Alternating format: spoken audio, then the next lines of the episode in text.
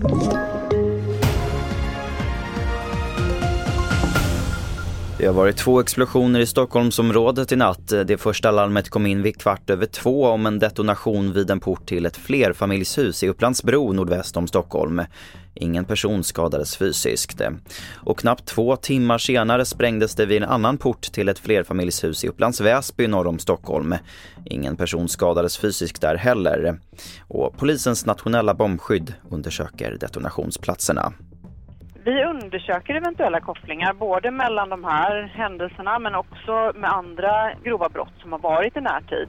Men vi kan inte bekräfta detta i nuläget. Med hänsyn till den pågående utredningen så vill vi inte kommentera eventuella gripanden i nuläget. Det sa Anna Westberg som är presstalesperson, polisregion Stockholm. Och I Gällivare hittades en man igår kväll svårt skadad inomhus. Han fördes till sjukhus men avled senare under kvällen. En förundersökning om mord har inletts och tre personer har gripits misstänkta för inblandning i det här mordet. Och till sist att Sverigedemokraterna nu får mest uppmärksamhet i medierna av alla partier.